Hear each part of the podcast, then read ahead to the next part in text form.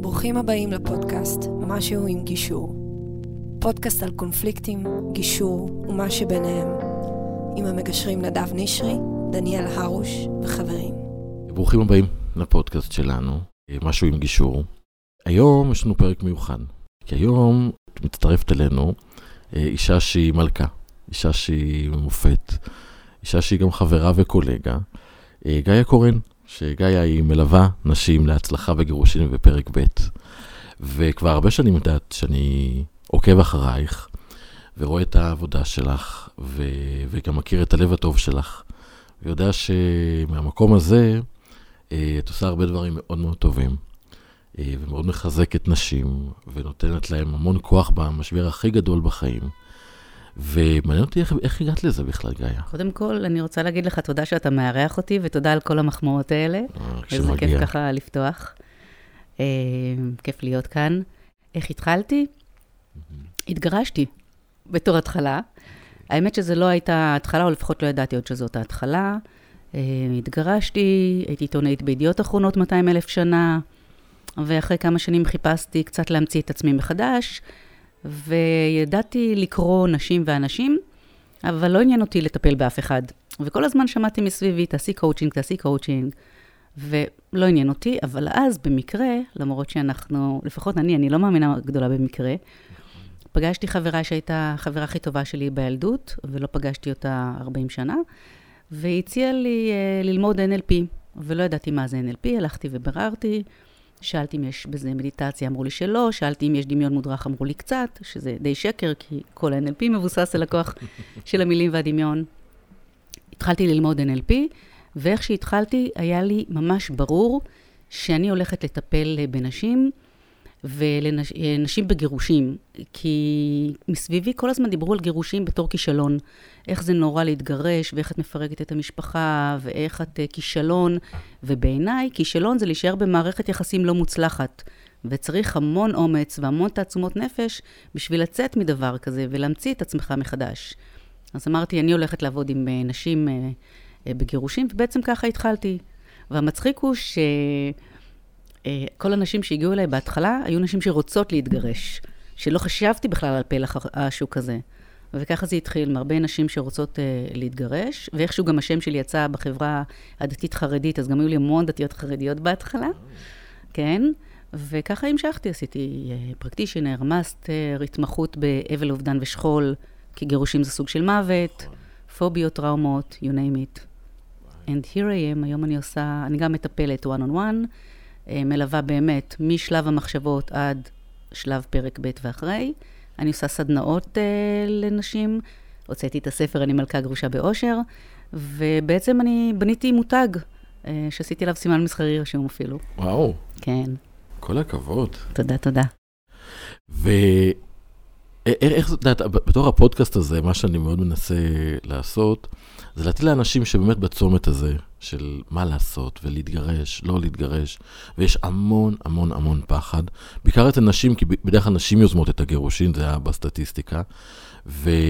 ומעניין כי עכשיו שמישהי מאזינה לפודקאסט הזה, ואני יודע שהרבה שומעות את זה באוטו ובחדר כושר ותוך כדי הליכות, מה היא צריכה לדעת כדי להתגרש נכון, כדי לשמור על עצמה, לשמור על הילדים שלה, ולהימנע מהמלחמות הקשות והאיומות שאנחנו כלומר מטיפים נגדן. טוב, אז אתה יודע, אנחנו מדברים על זה לא מעט, על עניין המלחמות, ש-it takes two to tango, אבל באמת, אה, ככל שאת יכולה מצידך למנוע מלחמה, אז כדאי שתמנעי, אבל אני רוצה גם לשים כוכבית, גם אל תוותרי על עצמך ועל דברים שמגיעים לך בשביל לשמור על שלום בית, כי לא תמיד באמת זה עושה שלום בית, ובטח נדבר על זה בהרחבה בהמשך לפי החיוך שלך. אני רושם לעצמי, כן. אנחנו... אה, מה, מה צריכה לדעת? אתה יודע, אני חושבת שהחלק הכי קשה, אני מחלקת את הגירושים לשלושה שלבים. הלפני, תוך כדי ואחרי. והחלק הכי שמפחדים ממנו, זה החלק של האחרי, של מה יהיה אחרי שנתגרש. אבל באמת הקטע המפחיד הוא הלפני. כל המחשבות, הקטע של המחשבות הטורדניות, האם אני עושה את הדבר הנכון, לא נכון, אה, מתי, עכשיו, אולי שהילדים יגדלו קצת, אולי שתהיה לי עבודה קצת, אולי כש, כש, כש, זה השלב בעצם הכי קשה. אז קודם כל, אני חושבת שכדאי לנסות הכל תמיד לפני, כדי אולי להגיד, אולי פספסתי פה איזה משהו. אז כן, לתת את כל הצ'אנסים. אחרי שנתת את כל הצ'אנסים של טיפול זוגי, יחידני, אמבטיות קצף, יחסינו לאן וכל זה, אז באמת, אני חושבת להתחיל קודם כל לאסוף ידע. ואני חושבת, הרבה עושות את זה ככה מלהתייעץ עם אימא, חברה, שכנה, ובסוף הרי כולן אה, נותנות את העצות שהן היו רוצות שייתנו להן. Mm, ו... משפט יפה. תודה. לא הייתה באמת את העצה שמגיעה לך, ב-NLP קוראים לזה, המפה אינה השטח. זאת אומרת, כל אחד יש לו את המפה שלו, את צורת החשיבה שלו, ובסוף, החיים שלך זה לא החיים שלי ולהפך. אז אני חושבת שכן כדאי להתייעץ עם אה, איש מקצוע, אה, או אשת מקצוע, עם מישהו שבאמת מכיר ויודע מה התהליכים, קודם כל ברמה הפרקטית, אפילו לא הרגשית, ברמה הפרקטית של מה מצפה לי באמת. אתה יודע, בגלל זה אני כתבתי, הספר שלי הוא גם יומן מציצני על החיים שלי כגרושה לוהטת, עלק לוהטת, רק באוגוסט, אבל אה, זה סוג של מדריך באמת של אה, עשי ואל תעשי, או מה מצפה לך. בעיקר תדעי מה, מה צופן לך העתיד. אז, כי אני, אני רגע רוצה להגיד שבאות עליי לפעמים נשים אומרות לי, עכשיו זה הזמן הטוב להתגרש, מה, אני, אה, או בעוד שאני אעודד אותן להתגרש. אני בחיים לא עושה את זה, כי כל אחת יש לה את הנקודה שלה, שזה נכון לה. את יודעת, אני, אני שומע את זה, ואני... התסכול שלי הרבה פעמים הוא שאנשים הולכים לקבל אה, את הייעוץ המעשי לפני הרגשי. למה? כי אני חושב שלך, מהידע שיש לך והכלים שיש לך, יש לך הרבה יותר מה לתת גם על הרגשי וגם על המעשי לכל מי שהולך להתגרש. אתה מתכוון שקודם הולכים לעורך דין לפני שהולכים כן. לזה, על זה אני מסכימה איתך.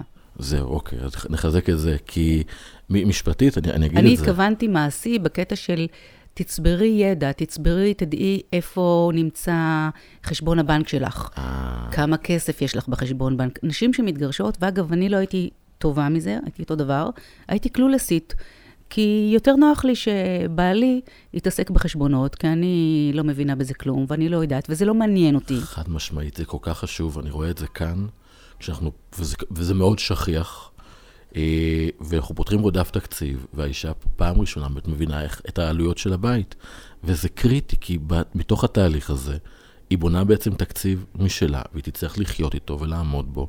ואני כל כך מצטרף לאמירה הזו, שמי שהולכת לפני זה לקבל כלים בייעוץ כלכלי ומשק בית, בהדרכה בכלכלת משק בית, להבין באמת את הנתונים וגם להוציא את עצמה ואיפה היא רוצה לבנות את הקריירה שלה והעבודה שלה, זה Game Changer, ממש. וזה כל כך מחזק, כי כשאת אה, לא יודעת את הדברים האלה, את יוצאת בעמדת כוח מאוד נחותה, מאוד חלשה, ודווקא כשיש לך את הכוח הזה, אז את יכולה לבוא אפילו יותר בשלווה, סוג של להליך הגירושים, ולהגיד, כן, זה מגיע לי, ולא צריך לריב, ולא צריך להתלהם, אלא להגיד, הנה, זה ככה וככה וככה, ולראות כמה אני מרוויחה, ולראות, יש המון נשים שבכלל לא עובדות, כי אה, כשהן התחתנו, אז אה, הן התחתנו לכסף.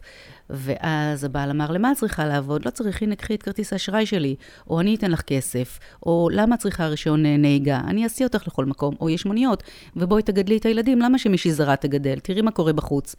ומגיעות אליי נשים, בנות 60 ו-70 שרוצות להתגרש, ואין להן לא עבודה, ולא רישיון, ולא כסף משל עצמן, וגם לא חברות, כי הן התרחקו מהחברות, כי כבר לא היה את הדבר הזה.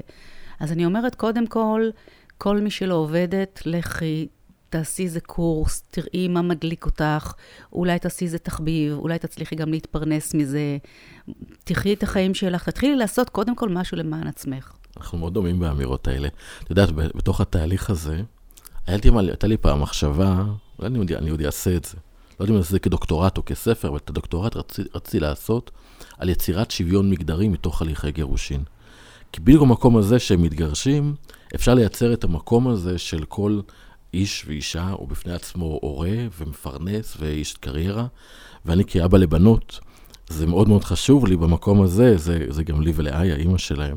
הדוגמה הזאת שאנחנו נותנים להם, שנשים יכולות הכל והן לא תלויות בגבר, וכל כך חשוב, המקום הזה לפני הגירושין להיות מוכנה ולהתכונן לזה, כי כשבאים להתגרש זה עולה.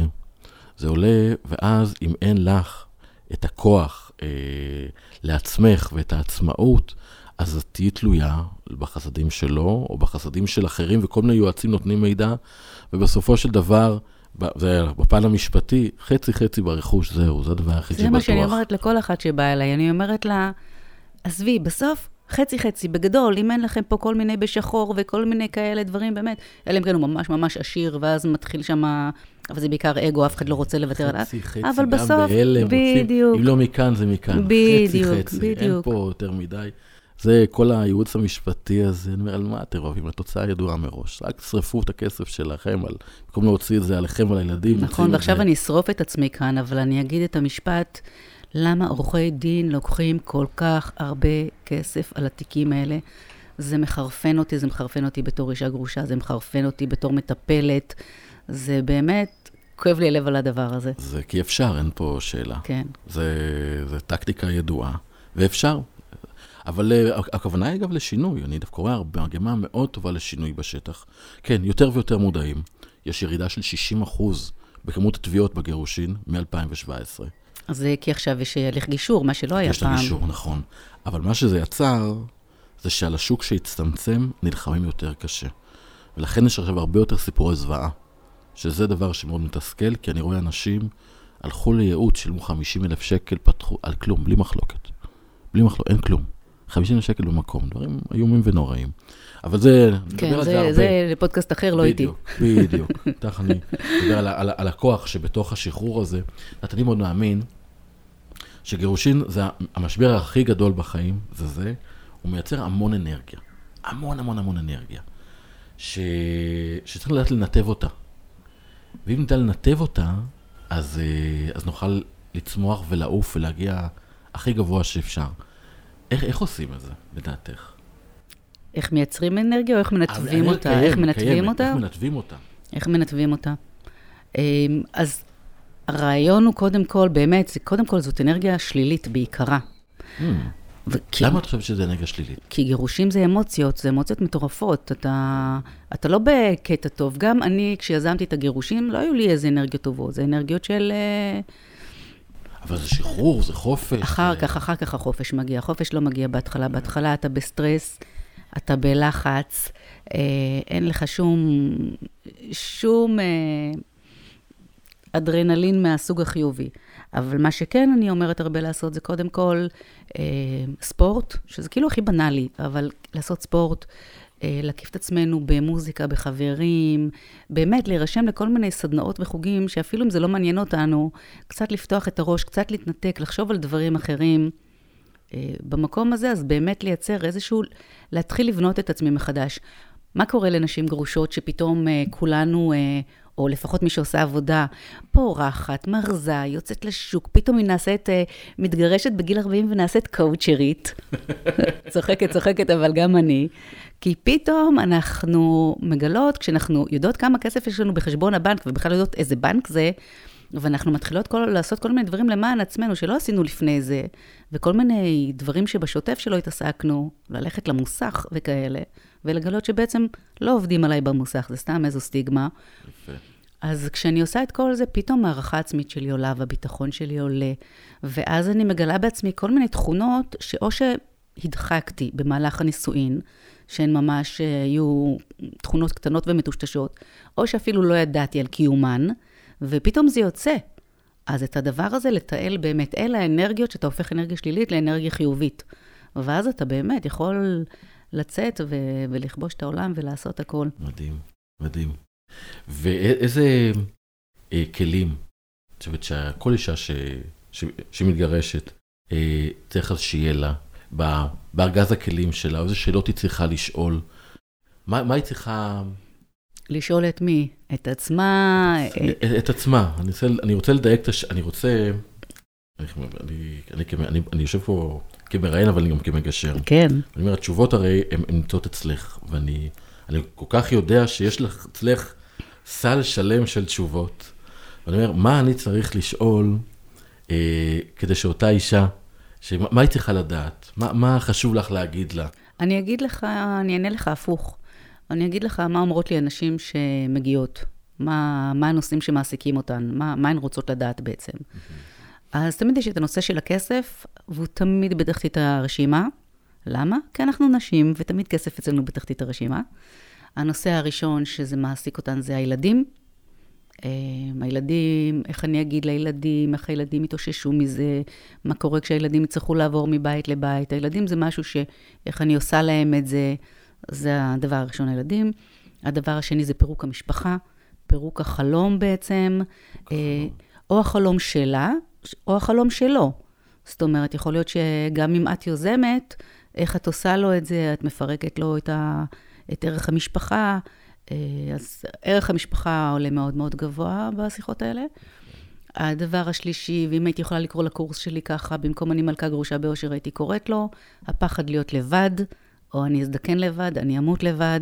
הפחד להיות לבד זה כותרת על חלל. כולן מפחדות להיות לבד. תכף אני אגיד על זה גם משהו. והפחד האחרון זה מה יהיה איתי, זוגיות, פרק ב', הן באות אליי בקטע של או לפני גירושים או רק התגרשו, ומדברות איתי על פרק ב', ואני אומרת, תנוחי, תנשמי אוויר, תשכבי על הספה, תשתי יין, עזבי אותך מפרק ב'. קודם כל, תהיי בזוגיות עם עצמך, אחר כך תהיי בזוגיות עם מישהו אחר. תהיי בזוגיות עם עצמך, אחר כך תהיי בזוגיות עם מישהו אחר, זה משפט מתאים. תודה רבה. יפה. ואיך את עוזרת להם בכל השאלות האלה שאמרת? איך, איך את עושה את זה? אז אני מפרקת אותן. אה, אמונות מגבילות, אה, נקראות כך כי הן מגבילות אותנו מלראות עוד כל מיני אופציות שקיימות. אז אני עוזרת להן, הן בשיחות, הן בטכניקות של NLP, הן בטכניקות של אימון ליחסים וזוגיות אה, שלמדתי בבר אילן. זאת אומרת, אני משלבת קצת מכל דבר. בגדול, שוב, אמרתי ידע בשביל לפרק את הפחד, גם הניסיון שלי, גם קצת לשים פרופורציות. נגיד הקטע הזה של לבד, אני לא חושבת שיש מישהי שתישאר לבד, אני חושבת שהיא צריכה לעבוד על הבחירות שלה, לבדוק מה הדפוסים שלה, לראות שהיא לא תעשה את אותן טעויות, או אם היא תעשה, שתחזור אליהן בצורה קצת יותר טובה. ומשהו על הלבד הזה, אנחנו נולדים לבד, אנחנו מתים לבד, ואנחנו בתהליכי פרידה כל החיים שלנו. החל מזה שיצאתי מרחם אימי, דרך זה שלקחו אותי על הידיים, ואז עזבו אותי, נתנו לי מוצץ, ואז נפרדתי מהמוצץ, מצצתי אצבע, נפרדתי מהאצבע, מהסמיכי, מכל הדברים האלה. שמו אותי בגן, נפרדתי מהגננת, עברתי לבית ספר, נפרדתי מבית ספר, צבא, קריירה, לימודים. אנחנו כל הזמן נפרדים מאנשים ומחפצים. ואנחנו לא עושים מזה עניין. אז גם לא חייבים לעשות כאן עניין. וואו. פשוט צריך להבין שלתהליכים שאנחנו עוברים. זה חלק טבעי מהחיים. כן. אז למה זה ככה? למה זה ככה? כי אנחנו שמים כל כך הרבה משקל על הערך של המשפחה, של וולט דיסני. משפחה או זוגיות? משפחה יותר מזוגיות. משפחה יותר מזוגיות. אבל משפחה, לראייתי, משפחה גם שזוג מתגרש, המשפחה עדיין נשארת. נכון, אבל בסרטים של דיסני לימדו אותך שאחרי שהנסיך מנשק את הנסיכה ולוקח אותו אל האופק, אנחנו אף פעם לא יודעים מה קורה באופק. נכון. כנראה באופק זה לא טוב, לא טוב מה נכון. שקורה. כמה נזק הם עשו. כמה נזק הם עשו. ויש לנו את החלום של הסרטים האמריקאים של פעם, של אבא, אימא, שני ילדים וכלב. שגם זה, כמה זה פעם? זה 70, 80 שנה שזה קיים הדבר אבל הזה? אבל זה לא עובד, זה לא עובד. לא תראה, עובד. אם תחשוב כמה דורות אחורה, ההורים שלך, ההורים, ההורים של ההורים של ההורים שלך ושלי התחתנו בשידוך. שבט. שידוך, נכון. כן, בשידוכים. לא, לא היה איפה הרי. נכון. אוקיי? וזה שידוכים, כן, לא אלנה שטחנית, אבל שידוכים. וכל דור ירד וירד וירד וירד. אמ, ותחשוב, אם היו יכולים לפני שנים, שנים, שנים, דורות דורות להתגרש, יכול להיות שהיו מתגרשים, אבל המצב היה אחרת. הגבר הביא את הפרנסה, האישה, לא היה לה, היום יש לנו, מה יש לנו? טיק טוק יש לנו. אז זה טיק טק, אנחנו בתרבות אינסטנט, ואני רוצה להגיד על זה שאני לא מאמינה שיש יד קלה על ההדק. אני שונאת שאומרים את הדבר הזה. אני יודעת שזוגות עושים הכל לפני שהם מתגרשים. נכון. או לפחות רובם. נכון. ממש לא אוהבת שאומרים את הדבר נכון. הזה. אני רואה גם כאלה ש, ש, שהיו אצלי ואחרי זה אומרים, נראה שהם מאוד בקל ומסתדרים ומצוין, אבל לא מבינים מה קרה באמצע, ולא מבינים שאנשים גם התחתנו בסביבות לא נכונות. זה הרבה, יש את הבדיחה הידועה שהגורם מספר אחד לגירושים זה נישואין. כן. זה, זה נכון, מתחתנים מסיבות לא נכונות, ולא הבינו מה זה. סרטי הדיסני האלה. נכון, ש... וגם כשאתה מתחתן מסיבה נכונה, אז אתה, בן כמה אתה? אתה בן כלום ושום דבר, ואתה מתפתח לכיוון מסוים, והצד השני מתפתח לכיוון אחר, ופתאום הענפים האלה, הגזע שלהם כבר לא כזה חזק, והם לא נפגשים. ולכן זה לא... אבל הגזע הוא עדיין משותף. הג- צריך לזכור. נכון. הגזע זה הילדים. נכון. הענפים הם צומחים, אבל הגזע הוא משותף. אני מסכימה איתך, בגלל זה אתה עושה עבודת קודש, אתה מצליח אה, לגשר בין אה, הענפים האלה. אז אני באה, אני עוזרת לאותן אה, נשים שלא לא מוצאות דרך גישה לענף השני, ואני אגב עובדת איתן המון על תקשורת, על סגנונות תקשורת, על סוגי תקשורת, על תקשורת מקרבת, כי יש את הדבר הזה כשאת במלחמה, או אפילו לא במלחמה, לא בטוב, ואת רואה את הוואטסאפ שלו, ויוצא לך עשן שחור מהנחיריים ועשן אדום מהאוזניים, אז אני מלמדת אותן איך להוריד את הלהבות, איך לא להתרגש מזה, איך לשים אותו במקום שלו, ולא תמיד אנחנו יכולים להיות בנעליים של הצד השני, גם לא תמיד אנחנו רוצות ולא תמיד כדאי, אבל כן, להסתכל על זה רגע צעד אחורה. אני, אני אגיד לך על זה, כי זה מתחבר ל-It takes two to tango, שאמרנו מקודם, שפה אני, אני ככה מסכים לא מסכים איתך. אני אגיד, לי, יש מקרים, באמת, אם שני אנשים הם עם קשיים, המלחמות הגדולות בגירושין, זה כששני אנשים הם במורכבות רגשית, אני אקרא לזה, אישיות גבולית קשה, אז תהיה מלחמה. מספיק שיש אחד שיודע איך להתנהל ואיך להכיל, ולדעת לנהל את הצד השני, המלחמה לא תהיה, כי למלחמה צריך שניים. לשלום מספיק אחד שבוחר לנהל את הקונפליקט. ומה שאמרתי עכשיו, אני, זה, זה בפרקטיקה. אם אחד בוחר להיעזר במישהי כמוך, שתעזור, ההודעות הוואטסאפ זה רעה חולה. כן. אני קורא, אני הרבה פעמים עושה את התרגיל הזה ומקריא להם את ההודעות אחת של השנייה, אחד מול השני, וזה הכל שאלה של באיזה נימה אני מקריא את זה. וכשהצד השני, הוא בדרך כלל מקבל את ההודעה, הוא קורא את זה בנימה, לא, אני אגיד את זה, לא כמו שרצ, שזה רצה לצאת. ואם רק כדאי לנסח את זה אחרת, ולעבור איזה פילטר, לכן הרבה פעמים, יש לי קבוצות עם, ה, עם הזוגות שלי, שולחים לי את ההודעה אליי, לפני ששולחים לצד השני, שאני אומר, בוא תנס, בוא, תוריד את המילות קישור, אין, אין לזה קשר, בוא נהיה פרקטיים ועניינים. ולמקום הזה, כלי כזה שאת יכולה לתת, של לעזור לסגנן את המסר, זה עושה פלאים. כי, כי אפשר למנוע את המלחמות. אני, אני, לא, אני גם לא מסוגל, אה, כדור רביעי לגירושין, אני אומר את זה, אני לא מסוגל לקבל את האמירה, כי גירושין זה לא ההסכם, זה מה שאחריו. וכל מילה שהם אומרים, יש לה משמעות והיא תימשך והיא, והיא מחלחלת, ולכן צריך לזכור את החוק של הפוליטיקאים, ולא להגיד את מה שאני לא רוצה, את, את, את, לא להצטער במה שלא אמרנו. כן, אתה לא חייב לענות לשאלה, אתה יכול לענות בשאלה אחרת או בתשובה אחרת. בדיוק, שכח שזה אגב, לא זה מה שיש לי על היד, זה הקעקוע שלי. תשאל? תשאל. כל הזמן להפוך את לש, לשאלות. והכלי הזה, שהן יכולות לבוא אלייך נשים, ולהתייעץ איך לדבר איתו, איך לתקשר איתו, זה קריטי, כי כן, אפשר כי, הכל. כי בעצם, למה יש גירושים? על מה בדרך כלל זה קם ונופל, בעיקר נופל? שאלת המיליון דולר, למה? על, על תקשורת. על תקשורת. על תקשורת, הרי מה, כל החיים שלנו, עם כולם זה יחסים ותקשורת. מה שיש ביני ובינך עכשיו, זה יחסים ותקשורת. מה שיש ביני נכון. ובין הילדים שלי, ההורים שלי, אפילו זאת שהיום uh, שלחתי ספר בדואר, אז יש יחסים ותקשורת ביני לבין הגברת uh, נכון. בדואר. והנישואים מתפרקים בדרך כלל בגלל תקשורת, לא תמיד, אבל ברוב המקרים. נכון. על תקשורת לא טובה.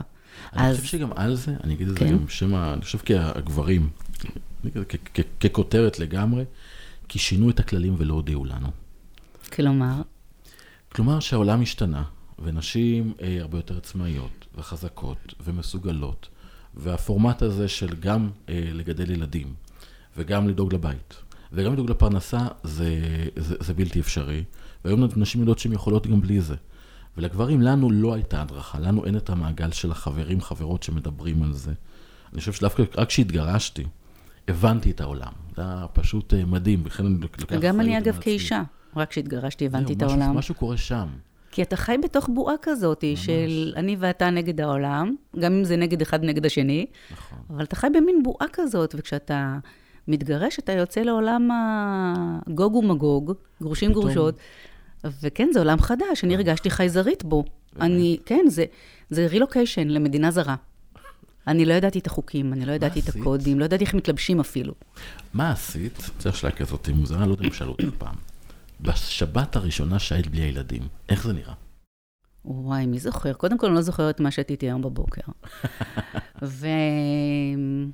ומה עשיתי בשבת הראשונה? אני יכולה להגיד לך שאני לא חושבת שבכיתי, אם זאת התשובה שאתה מחפש. לא, לא, לי, כי... לי, לי זה היה אירוע מכונן כזה, אז בגלל זה אני זוכר אותו. אני יכול להיות שזה היה אירוע מכונן, אבל יש לי אה, יכולת הדחקה מופלאה. לא סתם אני מלכה, אני מלכת ההדחקות. אני חושבת שיש הדחקות גם שצריכות להיות מודחקות, לא כל דבר חייבים לעלות uh, לפני השטח. חד משמעית. גם למטופלות שלי אני אומרת את זה. יש דברים כאילו, את חיה עם זה בשלום, סבבה, אחלה, הכל טוב. פעם אמרתי למישהי ממשפט, והיא אמרה לי, זה, זה המשפט שפליט האסימון. אמרתי לה, הוא לא הפתרון לבעיות, הוא הסימבול. ואת רוצה עכשיו, בתוך תהליך הגירושין, לקבל את כל התשובות של למה ואיך, אז, אז אי אפשר. כי, כי כל אחד עם הנרטיב שלו, נכון. ובתוך גירושין אנחנו לא משנים נרטיב של הצד השני. אפשר לייצר נרטיב חדש, נרטיב משותף, אבל הציפייה שהצד השני, דווקא במקום הזה, יקבל את הנרטיב שלך, בלתי אפשרית. תראה, נשים כל השנים, מה אנחנו רוצות? שתבין אותנו, שתדע על מה אני חושבת, שתזכור את היום הולדת שלי, שתראה אותי, שתגידי את המילה הנכונה, שתראה מתי הסתפרתי, מתי עשיתי גוונים. ולגברים, לרובכם, אין את הגן הזה. אין. אז אנחנו מצפות, גם כשאנחנו מתגרשות וגם אחרי זה, שתבינו, שתראו וזה. אני, מה שאני באה להגיד זה שיש את הסיפור שלך, את הסיפור שלי, ואין צודק, לא צודק, נכון, לא נכון, בקטע של אני אמרתי, היא אמרה, אף פעם לא נפתור שום דבר. את יודעת מה, אני אגיד דבר שאולי קצת אה, יעצבן אה, את, את, את המאזינים על זה. אני פשוט לוקח המון אחריות על עצמי, במקום הזה כגבר, ועל הטעויות שעשיתי.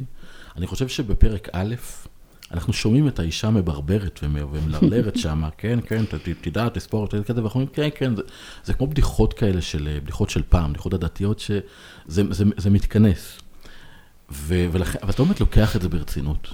באמת, אתה חושב? אני חושב ככה, אני חושב שזה משהו שאנחנו מילדות כגברים, כי לא באמת מחנכים, וזה עובר בצורה כזאת כמו הבדיחה על הפרסי והבדיחה על המרוקאי, ואז גם כן, כן, נשים שמדברות הרבה. לא לוקחים את זה ברצינות, רק בפרק ב'. רק אחרי שאתה יוצא לשוק, ואתה באמת פוגש את הנשים שהן לא, הן משוחררות, הן מלכות. הן יכולות להגיד לך לא, והן מצפות ואומרות בצורה ש, שאתה כבר לא, הן לא תלויות בך, אני חושב, באיזשהו מקום, זה מייצר שיח אחר לחלוטין. ובגלל זה אני מאוד מעריך את, ה, את, את, את הגישה שלך, כי אני פגשתי הרבה נשים, כשאני, לפני, ש, לפני שהייתי בפרק ב', אה, פגשתי נשים, לא נגיד הרבה. ו... ו... והשם שלך המון עלה, כ... כדוגמה, ו... ורואים את זה, ממש כמישהי שהיא מנטורית ואומרת, אני חזקה, אני יכולה, ולך כגבר זה פתאום משנה את השיחה. למרות לא... שגברים אומרים, אתה יודע, היו אומרים שאני מפחידה, ושאני קשה, וכל מיני מילים כאלה של... אה, אני קוראת לזה חוסר יכולת התמודדות. אני מסכים איתך בזה, אבל ברגע שהגבר, בגלל זה אני שמתי לעצמי את המילה תשאל, בדיוק למקומות האלה. אל תפחד מזה, השינוי הזה הוא לטובה. זה שהמינים יהיו שווים, ושנוכל לדבר אחד לשני, גם אם זה בשפות שונות, גם אם זה גברים מנוגה ונשים ממאדים, הכל בסדר. אבל דווקא כשאנשים מתחזקות, ואתה לומד עכשיו לשאול שאלות, אתה לומד להכיר את עצמך. אתה לומד כן. להסתכל פנימה ולשאול שאלות על רגשות ועל צרכים, וזה נותן לגברים המון, המון המון, בגלל זה... אז יפה, כיף לשמוע את הצד השני וככה, איך זה עובד אצלכם. זה, אנחנו... מוח נשי, מוח גברי. השחרור הנשי הוא הביא שחרור גברי, אין, אין ספק. אנחנו למדנו להתחבר לרגשות שלנו. הנה, תראה, יש עכשיו אה, מעגלי גברים. נכון. זה מקסים בעיניי. כן, מקסים בעיניי. זה עדיין מאוד קטן, אבל אה, לא היה לנו עם מי לדבר, אם אנחנו נכון. מדברים. נכון. והמעגל הזה, אגב, אני, הלוואי כבר יקום הגבר, או המנטור הזה, שכמוך, וידבר עם גברים, ושגברים יוכלו ללכת ולדבר. וללכת לטיפול וללכת אה, לא, להוציא מעצמם? דווקא, אתה יודע, יש לא מעט, אני לא יודעת אם יש גברים כאלה, אבל אליי היו מגיעים גברים לטיפול. ו... וואו. וגם היום אני ככה, אני אגיד לך בלחש, שלפעמים אני עובדת עם גברים.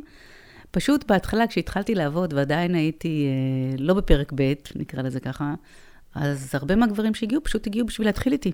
אה. ואחד מהם אפילו אמר, שלחתי לך הודעה ולא ענית לי, אז באתי לפה. זה עולה לי uh, יותר זול מארוחה. ככה, זה היה ממש כשהתחלתי את דרכי. ואבוי. כן. וצחקתי ואמרתי לו, והוא רוצה גם לבוא לפגישה שנייה, אמרתי לו, פגישה שנייה תעלה לך פי שניים, ואני לא... אה, והוא דווקא בא לפגישה שנייה, זה היה בקליניקה, בתל אביב כשהייתה לי, כשעבדתי בתל אביב, ו... את בקליניקה היא בתל אביב או שאת עובדת גם בעוד מקומות? היא לא בתל אביב, היא באזור אה, המרכז, באזור השרון. באר השרון. באזור השרון. אה, אבל אז, כשעבדתי באיזושהי קליניקה, אה, אז אמרתי, טוב, שיבוא עוד פעם, מה אכפת לי? אני בסביבה מוגנת, כאילו, יש שם הרבה חדרים והרבה מטפלים וכאלה, והוא רוצה. הוא בא בסוף המפגש, הוא אמר לי, אז לא תצאי איתי? אמרתי לו, מה שאמרתי פעם ראשונה, זה לא ישתנה, לא. ואז הוא טס לחו"ל, והוא שלח לי אחרי איזה צילום שלו, יושב על שפת הים, והוא אמר לי, נכון שלא רצית לצאת איתי, אבל נתת לי טיפים שממש ממש עזרו לי, ואני הכרתי מישהי ואני משתמש בעצות שלך, וממש כתב לי אותן. וואו. אז אמרתי, נו, לפחות עשיתי נפש אני- שצדיקה בסדום, אבל החלטתי לא לעבוד עם גברים, אז רק באמת, לפעמים, לעיתים רחוקות, זה חבל. אני עובדת עם חבל. גברים. נכון, כי אתם ממש צריכים את זה. אנחנו ממש צריכים את זה. ממש צריכים את זה. ממש. כן. הגברים זה... זה ללא ספק. שיש- אני- יושבים לי פה עכשיו בחדר, כך רגישים. אבל בדיוק. בדיוק. להוציא את זה, זה כאילו האישה הייתה הפה, הפה שלהם לרגשות. בדיוק, זה מה שאני עוזבת. רוצה להגיד, שאתם, הגברים, אתם כל כך רגישים ושבריריים, נכון. וכל כך מנסים להסתיר את זה, ולהתחבא מאחורי ולמצוא כל מיני... פתרונות, לתת פ- פרקטיקה, אבל רגע, תהיה ברגע שלך. נכון, נכון, נכון. ובגלל זה יוצאים דברים כל כך יפים כשאתם מרשים לעצמכם להיפתח. וגם נשים, נשים נורא סוגרות את עצמן, נורא מפחדות. נשים גם יוצאות אה, חבוטות ממערכות יחסים לא טובות. שאלת מקודם איזו עצה אני יכולה לתת, אני חושבת שהעצה הכי טובה זה לטפח את הביטחון העצמי. ובגלל זה אני קוראת לעצמי מנטורית להערכה עצמית לפני הכל. כי זה מה שחשוב, כי את יוצאת ואת רק רואה, קודם כל אנחנו הנשים רואות קודם כל מה לא טוב ומה לא בסדר, כן? זה בבילטין שלנו. ואז אנחנו כמובן אה, שיפוטיות וביקורתיות קודם כל כלפי עצמנו. אז קודם כל, את הדבר הזה, את רואה מה לא בסדר? סבבה, אני לא אומרת שזה בסדר, תפוקה לגמרי. אבל יש לך גם מלא תכונות ודברים מדהימים. בואי נסתכל עליהם, בואי נעצים את הדבר הזה. שימי את כל התכונות המאפנות שלך בצד, בואי רגע נתייחס בשלוש-ארבע תכונות המסכנות שיש לך שהן כן טובות. ואז פתאום, אוי, הנה, כן, אני כן יכולה. אני ממש נותנת שיעורי בית של כל ערב לפני השינה לכתוב שלוש הוכחות שאני מעניינת, שלוש הוכחות שאני ראויה, שלוש הוכחות שיש לי את זה. איזה יופי. כן, וזה נשמע דבילי וקל, לא, לא, אני, אני רואה וזה מה קורה בחדר. קשה ממש, באות זה קשה. נשים בלי זה. ואנחנו עוברים פה תהליך, אני מנסה לעשות את זה בידעת, שלושה ארבעה מפגשים, זה, זה לא מספיק, כי גם הוא בחדר. אבל אני רואה, מי שבא עם, עם הכלים האלה, זה שמיים וארץ. היא מנהלת את התהליך כמו מלכה. מי שבא עם הערכה עצמית, מי שבא עם ביטחון בה. זאת אומרת, אני יכולה עם עצמי, ואני לא תלויה בו. יש לו מחויבות, אבל אני, בסופו של דבר, מחזיקה את עצמי. היא מנהלת פה את התהליך, היא משיגה תוצאות שהן פנומנליות, והיא יודעת שמגיע לה. אבל היא לא עושה את זה במלחמה, היא לא עושה את זה בקרב, היא לא עושה את זה בהשמצות, היא פשוט יושבת עם גב זקוף, אומרת, זה מגיע לי. מי נובח? מי נובח בתהליך הזה? לא, מי נובח? צ'יוואווה, כלבים קטנים נובחים. מי שמפחד מהגדול. זה נכון. אריה, אריה או לביאה, הם בכלל לא שואגים. אתה יודע שאריה לא שואג? אריה יושב מתחת לעץ, מקשקש קצת בזנב להבריח זבובים. כשהוא שואג, שומעים אותו במרחק של עשרות קילומטרים. אבל הוא שואג אחת ל... נכון. אנשים שבטוחים בעצמם לא צריכים uh, יותר מדי. בדיוק, בדיוק. זה, זה פשוט אה, נכון ומדהים. אה, מה אני עוד צריך לשאול אותך? מה אתה צריך לשאול אותי? אה, לא יודעת, לא יודעת. אתה רוצה לשאול אותי משהו על פרק ב'? יאללה. אתה שם. או אתה עובד רק עם האלה שעוד בקושי מסיימים פרק א'? תראי, אני, לפרק ב' באים אליי הרבה לעשות הסכמי זוגיות. הם, אני לא עושה הסכמי ממון, אבל אנחנו עושים הסכם זוגיות שבעצם אומר איך אנחנו מגדירים את השותפות שבאנו קדימה, וגם יש את פרק הממון, אז שנכנס בפנים, מה יקרה אם ניפרד. אני עושה את זה גם בפרק א', זה אני הכי אוהב, מודה, זוגות לפני חתונה, שאנחנו זוגות פרק א', שאנחנו צריכים לשאול את השאלה מה אתם מצפים מעצמכם. ברור, אני. אומרת כל הזמן, לא אמרתי את זה עוד לבת שלי, אבל נראה איך היא תגיב כשהיא תשמע את זה, אבל לפני שהיא תתחתן, אני הולכת לעשות לה הסכם נישואים. לא הסכם ממון, אבל הסכם נישואים, הסכם. אהבה. יפה. בטח, השותפות חובה. הכי חשובה בחיים בטח. שלכם, ולא, ולא מגדירים אותה. וזה נכון. רומנטי לעשות את זה. אני עושה את זה יחד עם נוגה, נוגה היא מגשרת שעובדת איתי, וגם בת הזוג שלי. ואנחנו ממש יושבים עם זוגות ובונים איתם מפה לזוגיות שלהם, של איך מושלם, ומה- מושלם, זה ככה מדהים, צריך. מדהים, מדהים, מדהים, אנחנו מאוד אוהבים את זה. אז, אה, אז זה המקום שלי עם פרק ב', יש לי זוגות שהתגרשו, ואז, באו, ואז מתגרשים שוב, אז יש גם כזה. אה, אבל אני חי את זה בעצמי. אנחנו פה כמה. זמן אתה בפרק ב'? נכון אנחנו לרגע כבר זה? כמעט ארבע שנים. יש לנו גם כן קונסטלציה, את דלת מול דלת, אני קומה מעל קומה. כן. אז יש לנו פה הבית של נוגה והילדים, הבית שלי והבנות שלי, ו- ומקומה מלמעלה, ולמעלה זה גם. זה ממש קומונה. אנחנו ממש כמובן. אבל ככה יש לכל אחד את ההפרדה שלו, והמקום שלו, והספייס שלו, ואנחנו יודעים לכבד את זה. אני, כשאני אתמול, אני, אני עם הבנות, אז נוגה יכולה לישון בבית שלה, כי אנחנו קמים מוקדם, ולהפך, אז יש הרבה, הרבה חופש בתוך הדבר הזה. זה הסוד שלי לזוגיות מאושרת בפרק ב' ולטווח ארוך ככל האפשר. נכון. לחיות בבתים נפרדים, אה, די קרובים אחד לשני, אבל שיש גם את הביחד וגם את הספייס. לפני כמה זמן אה, רבתי, אנחנו, אני עוד מעט חמש שנים בזוגיות, ולפני כמה זמן החלטתי שהוא לא רואה אותי, והוא לוקח אותי כמובן מאליו. אה, ויצאתי מהבית שלו בטריקת דלת, שזה מאוד מצחיק, אז פשוט הלכתי שני צעדים ופתחתי את הדלת של הבית שלי. ובמשך ארבעה ימים, דממה. הוא לא שאל אותי מה שלומי, אני לא שאלתי אותו מה שלמה, אני רציתי כזה, אני עברתי מלא תהליכים בארבעה ימים האלה, הורדתי מסך, כבר גמרתי איתו, הוא גמר איתי, כבר זה נגמר, טוב, חזרנו, טוב, ידעתי. מלא מלא תהליכים רק בראש של עצמי. אחרי ארבעה ימים אמרתי לעצמי, טוב, את הלכת, את תחזרי. חזרתי, שלחתי לו הודעה אם אפשר לדבר, הודעה כזאת קשוחה. הוא כתב, הבית שלי תמיד פתוח בפנייך, את זאת שבחרת ללכת, את מוזמנת. באתי, דיברנו, הכל היה טוב, יכולנו לעשות את זה לפני. Uh, החלטנו שאני לא יוצאת בטריקת דלת, זה גם לא מתאים לי, אני לא כזאת. אבל מה שעשיתי בעצם, היה בעצם מין לפתוח את החוזה האהבה הזה מחדש. ואוקיי, חמש שנים, אנחנו רוצים שיהיו עוד חמש שנים כאלה לפחות. אז בואו נראה מה אנחנו יכולים מפה לשפר, על מה אנחנו יכולים לעבוד. יפה, אני אוהב את החמש שנים. אני גם ונוגה עשינו את זה, להסתכל קדימה, תוכנית חומש. מה המטרות שלנו, מה היעדים שלנו, של אחרי זה, של עוד באדר באדר, עוד 20-30 שנה, ומה גם כן על, על, על הזמן הקרוב.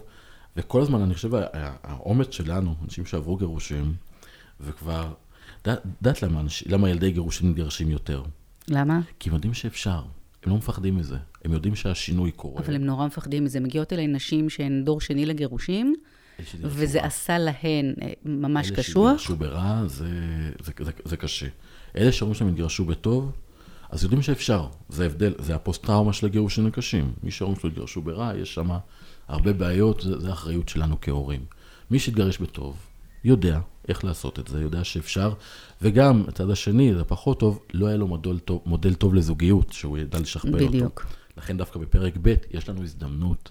אני מאוד גאה בזה שאני מראה לבנות שלי, וגם איה, האימא של, של הבנות גרושתי, מראה, שנינו מראים, זכינו בזוגיות מאוד טובה. אז הבנות שלי רואים גם אהבה וזוגיות, ו, וגם הורות מאוד טובה. אז יש לנו פה את ההשלמה. כן, ופ, ופרק ב' צריך להיות בעיניי אהבה נטו. נכון. וחברות, וזוגיות, ולוי דווי, וכל המשפטים האלה של אהבה זה כואב, וכל הזוגות רבים, אני לא מאמינה בזה. כן, טפו טפו טפו, חוץ מבאמת שיצאתי וטרקתי דלת, ושנינו ידענו שזה לא רציני ושזה לא ייגמר על הדבר הזה, אז כאילו, זה היה ברור לשנינו. Uh, באמת, אנחנו מייצרים כל כך הרבה uh, איים של כיף, אולי איים זה לא המילה הנכונה, אבל כל כך הרבה באמת חברים ומסיבות וביחד, ולשבת על הבר, ולטוס לחו"ל, והוא ניסה להרוג אותי כשהוא לקח אותי לצלילה במלדיבים, עכשיו הוא מנסה להרוג אותי כשהוא לוקח אותי לסקי, בואו נראה מה יצליח לו מתוך זה. אלה חברים שלו, אני גם רוצה כזה. כן, כן, כדאי לך מאוד, הוא אחלה חבר, והוא... הוא לוקח אותי, הוא פשוט מוציא אותי מאזור הנוחות שלי כל פעם, הוא עושה הרפתקאות, ואני נגררת לתוך ההרפתקאות האלה, כי אני הבן אדם הכי פחדן בעולם, אבל אני חושבת שבסוף, מה זה החיים שלך? חוויות, אירועים שאתה צובר. נכון. על מה נדבר כשנהיה בני 90 עם... חיים זה חוויות. דמנציה, על זה. על פרק ב', יש לי שאלה ש... שעולה לי, שעולה הרבה פעמים בתוך התהליך. מה נתך על ילדים משותפים בפרק ב'? תראה, אם אתה רוצה ילד משותף, ואם את בגיל ואתה בגיל, אז למה לא? זה מאוד מחזק ומאוד... ומה שצריך לעשות זה, כמו בפרק ב' רגיל, לא לקחת אחד את השני כמובן מאליו, כי אנחנו נשואים עכשיו. אתה מדבר עכשיו על חתונה שנייה? או... חתונה, אין לי בעיה. חתונה זה חתונה על ילדים. על ילדים? כן, אני, אתה יודע, אני מסתכלת, אני חושבת על חברות שלי. יש לי איזו חברה שהיא בת 39 או 38 גרושה, מתה לעוד ילד. יש לה ילדה אחת. בת כמה? כן, למה לא? בת כמה הילדה שלה? בת שמונה. לא, אני חושב שיש הבדל. יודעת, אני, אני, יש לי איזו דעה במקום הזה, קצת אחרת אולי. אני לא בעד. אלא אם כן, יש רק ילד אחד קיים, מהנישואים הקודמים. אבל אני מבחינתי, אבל זה, זה, זו דעתי, כן, אני אתה לא... מזכיר לי שיצאתי עם מישהו אחרי שהתגרשתי, והוא כל הזמן, התגרשתי בגיל 40, והוא כל הזמן אמר לי, אמ, כן, אני, אני רוצה ממך ילד, אני רוצה ממך ילד, אני רוצה ממך ילד, ואני הסתכלתי עליו, כאילו אמרתי, מה אתה רוצה ממני? תעזוב אותי בשקט, מי רוצה? לא, לא רוצה עוד ילדים, יש לי את שלי והכל טוב לי, ותעזוב אותי. שניים, מספיק. כן, בדיוק. מספיק. אבל כל אחד עם ה... אתה יודע, כל אחד עם... יש מישהי שמרגישה שזה חסר לה והיא ממש רוצה, והביציות שלה עוד אה, שועטות קדימה. אז למה אז לא? הכל מותר. אני חושב בגלל הילדים, בגלל פרק א'. זה, זה, אני, אני, אני מסתכל עליהם, על הילדים שיש. עכשיו, אם ההורה, כי, כי המשפחה המשולבת, יש לה הרבה מורכבות. וגם ההורה, הבן הזוג החדש. אבל תקשיב, וההורה- החיים שלנו הם מורכבים. הם נעשים מסובכים רק אם אנחנו מסבכים אותם. נכון. זה יכול להיות פשוט. כי זה גם לי יש את. הילדים שלו, שלי, ולא יש את הילדים שלו, גם אם אנחנו לא עושים ילד ביחד. וגם פה, ת- תראה כמה דברים יש לך. למה אומרים שפרק ב' זה כל כך קשה? כי אתה צריך שילדים של שניכם יסתדרו ביניהם. נכון.